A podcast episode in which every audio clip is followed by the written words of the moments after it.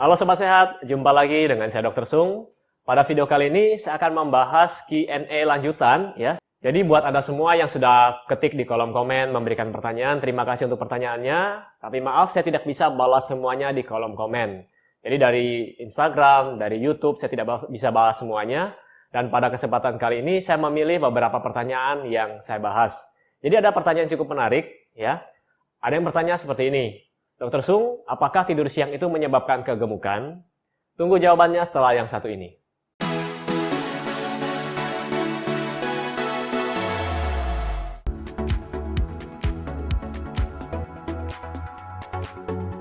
Ya Sobat Sehat, saya akan bahas pertanyaan-pertanyaan Anda. Jadi pertanyaan pertama datang dari Oman Niswa. Dok, saya mau tanya, setiap mau datang bulan, selalu sakit kepala, selalu sakit kepala yang sangat parah. Sebelum datang 2 sampai 3 hari sebelum dan hari pertama atau hari kedua, sakit kepala min ini min apa ya? Minimal mungkin ya. Minimal satu minggu apa solusinya? Kalau saran dari saya adalah Coba perhatikan uh, lifestyle Anda, gaya hidup Anda. Mungkin istirahat Anda kurang, kemudian sudah pernah cek di lab belum? Apakah Anda sedang mengalami anemia atau tidak? Biasanya kalau orang yang mengalami anemia pada saat datang bulan, muncul gejala seperti ini, badannya lemes, kepalanya pusing. Dan saran saya supaya Anda lebih paham tentang kondisi tubuh Anda, coba konsultasikan dengan dokter Anda. Jadi ceritakan semua keluhan Anda, apa yang Anda alami, supaya bisa dapat jawaban yang baik. Kalau saya cuma sekilas seperti ini, pertanyaan seperti ini, saya cuma bisa sarankan kepada Anda, coba makan makanan yang bergizi, kemudian olahraga yang teratur, istirahat yang cukup, dan coba cek lab juga, ya. Oke, mungkin itu saja yang bisa saya sampaikan buat Oman Niswa, dan buat teman-teman sobat sehat yang punya masalah yang sejenis. Lanjut ke pertanyaan kedua dari ECC. Bacanya gimana ya? Set H E E. Ya, C ya. Halo dokter, saya mau tanya sampai umur berapa menstruasi berhenti total atau di usia berapa menstruasi sudah tidak aktif lagi? Makasih. Jadi setiap wanita masa berhenti menstruasinya atau kita sebut menopause itu berbeda-beda. Umumnya di atas 48 sampai 53 tahun. Jadi yang perlu Anda perhatikan adalah gejala-gejalanya dari pramenopause sampai Anda memasuki menopause ya. Jadi saya sudah bahas itu semua di YouTube channel saya yang sebelumnya, di video saya sebelumnya Anda bisa nonton di sini.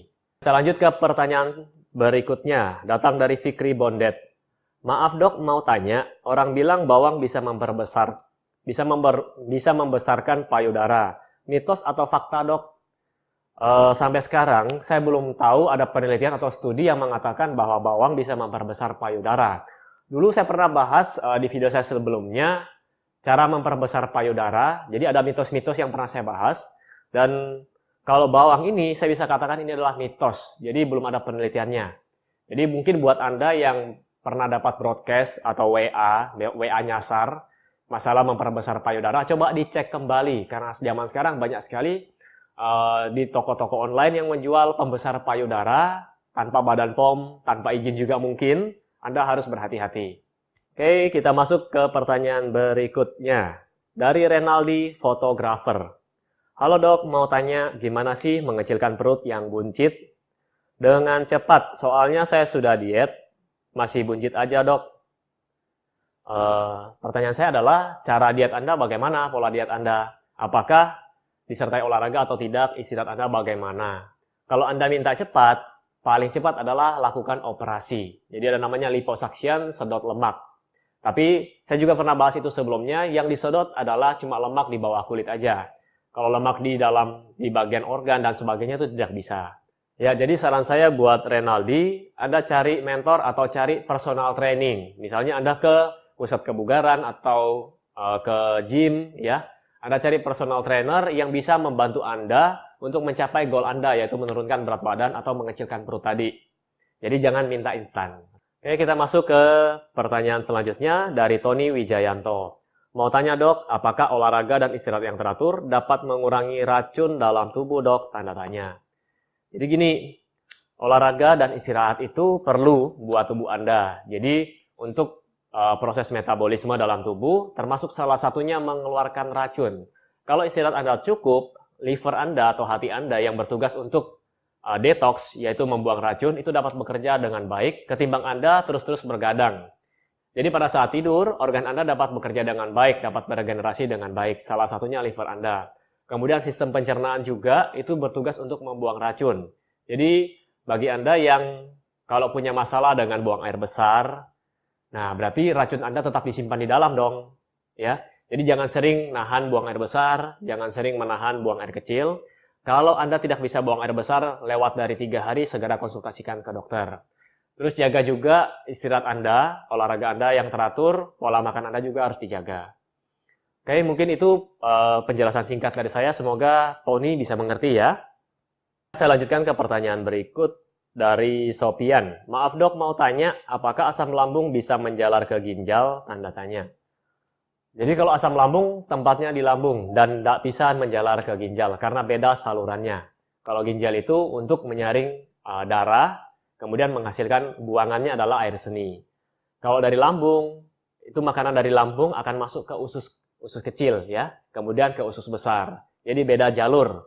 Jadi asam lambung tidak bisa menjalar ke ginjal. Itu jawabannya.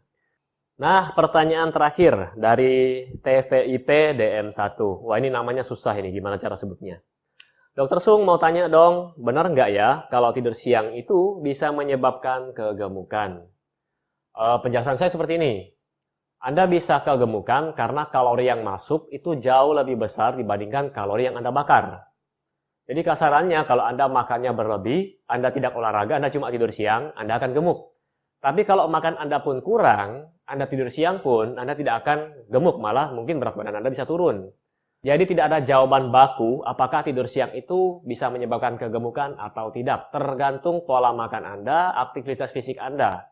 Jadi kalau Anda hidupnya teratur, makannya sesuai, kalori tidak berlebihan, Anda tidur siang pun tidak masalah.